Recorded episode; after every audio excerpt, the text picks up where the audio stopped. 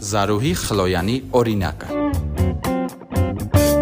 Վարդենիսը խոշորացված համայնք է ու ներառում է 36 գյուղ, բնակավայր։ Մեր նպատակը բոլոր բնակավայրերից ակտիվ երիտասարդների ներգրավումն է ու համայնքային խնդիրների լուծումը մեր չափով։ Օրինակ սեմինարների շարք կոնկրետ սկսեցինք։ Սեմինարները այնպիսի թեմաներով էին, որոնց մասին երբեք չէր խոսվել, օրինակ մարքեթինգ, աստղագիտություն, կամավորություն եւ այլն, որովհետեւ կան մարդիկ, ովքեր ունեն ինչ-որ հմտություններ մարքետոլոգներ դառնալու համար, բայց չգիտեն ուղղակի այդ մասնագիտության մասին։ 17-ամյա Զարուհի Խլոյանը պատմում է Վարդենիսի երիտասարդ նախաձեռնող սոցիալ-կրթական նախաձեռնության մասին, որն ինքն է հիմնադրել։ Սկզբում համաճարակը, հետո պատերազմը խոչընդոտեցին նախաձեռնության ակտիվ գործունեությանը, բայց արդեն մի քանի ամիս է ինչ տարբեր ծրագրեր են իրականացնում։ Զարուհին պատմում է, որ այդ ամենի հիմքը դրվել է տարիներ առաջ, երբ 13 տարեկանում որոշեց գնալ համայնքապետարան եւ խորհուրդ տալ ուշադրության կենտրոնում պահել Վարդենիսցի երիտասարդներին, քանի որ նրանք մեծ պոտենցիալ ունեն ու պետք է այն ճիշտ օգտագործել գործել։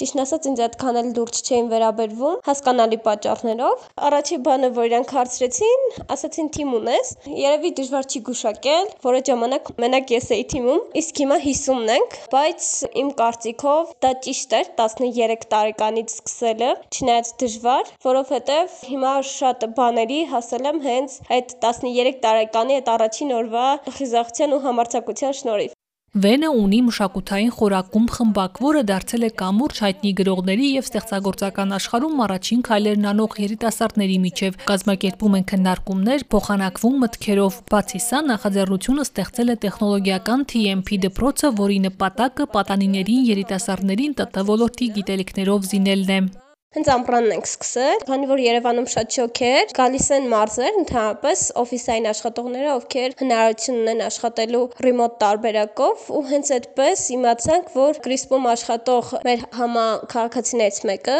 եկել է Վարդենիս ու իմացանք, որ ինքը աստղագիտությամբ ու ֆիզիկայով է հետաքրքրված։ Հենց այդպես էլ մեկնարկը տվեցինք, խոսքը Մհերի Մասնա Խաչատրյան։ Հետո հրավիրել էինք մարզերի երեխաները մարզերում հասարակական կազմակերպ կազմակերպության համահիմնադիր Մայիս Մարգարյանին, թերևս իր ոլորտում ամենահաջողվածներից, ով խոսեց կամավորության մասին, ինչպես նաև հզոր միտք հասարակական կազմակերպության հիմնադիր Մհեր Մկրչյանին, ով խոսեց անձնային աճից, այնուհետև Կամո Մելիքյանին, ով խոսեց սոցմեդիա մարքեթինգից, եկել էր վերջերս մեր մոտ Ռուբեն Մեշչյանը, ով խոսեց տեղեկատվական տեխնոլոգիաներից եւ մեզ համար ամենամեծ հաջողությունն այն էր, որ շատ մեր թիմակիցներ միացել ստացել են հենց մեզ սեմինարների ժամանակ, հավատալով մեր գաղափարներին,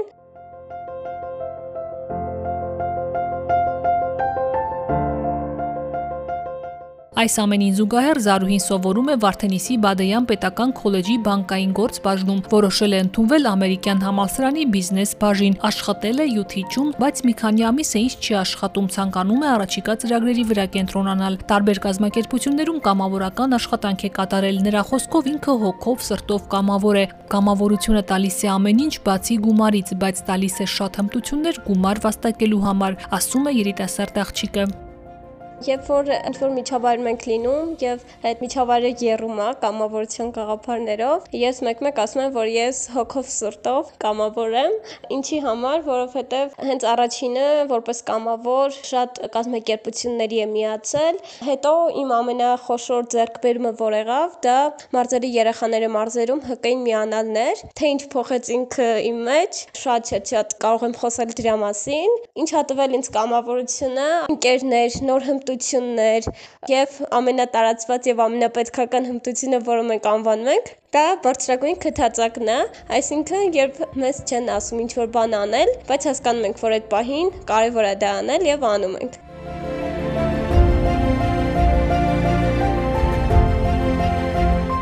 Զարուհին նաև ՈՄԱ Վարդենիսի հիմնադիրն է։ 44-օրյա պատերազմից հետո Վարդենիսը դարձել է սահմանամերձ եւ մարտական պատրաստվածություն բոլորը պետք է ունենան։ Այդ էր պատճառը, որ Facebook-ում դրամահավաք նախաձեռնեց եւ հավաքված գումարով հրահանգիչները կարողացան վերապատրաստվել երբ որ հիշում եմ, իմ կյանքում ամենաբարդ շրջաններից ա եղել, որովհետև սարսափելի բարդ էր միջավայրում նոր բան բերելը եւ այդպես գտա հազիվ մարդկանց, ովքեր պատրաստ էին դինալ եւ մի ամիս մնալ վերապատրաստվել, հետո գումարը հազիվ հավաքվեց եւ հիմա մենք ունենք ՈՄԱ Վարդենիսում։ Պատերազմը շատ շատ բան փոխեց, երբ որ գիտակցեցինք, որ մեզանից բացի ոչ ոք մեզ չի պաշտպանելու եւ մեր քաղաքը չի պաշտպանելու։ Դրա համար շատ աղջիկներ կային, բարեբախտաբար, ովքեր մեզ հետ եկան հրաձգարան, կրակեցին տարբեր ձևերի զենքերով, տարբեր տեսակի, որոնք օգտագործվում են մեր բանակում եւ դա շատ շատ օգնեց, թիմի մոտիվացիան ավելի բարձրացավ, այդ հայրենասիրական ոգին ավելի բարձրացավ։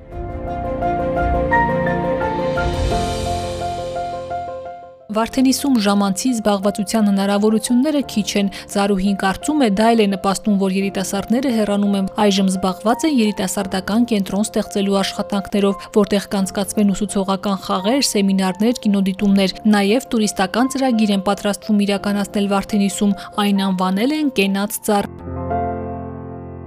Զարուհին համոզված է, հաջողությունը հենց այնպես չի գալիս։ Աշխատասիրության ու նվիրվածության շնորհիվ կարելի է հասնել ցանկալի արդյունքի։ Երբ որ հայտնվում էին պիսի խոսակցությունների մեջ, որտեղ պնդում էին, որ առանց ծանոթի չեն կարող մարդիկ հաջողության հասնել, եւ եթե անգամ հասնում են հաջողության առանց ուժեղ կապերի եւ չգիտեմ ինչ որ լուրջ աշխատանքի,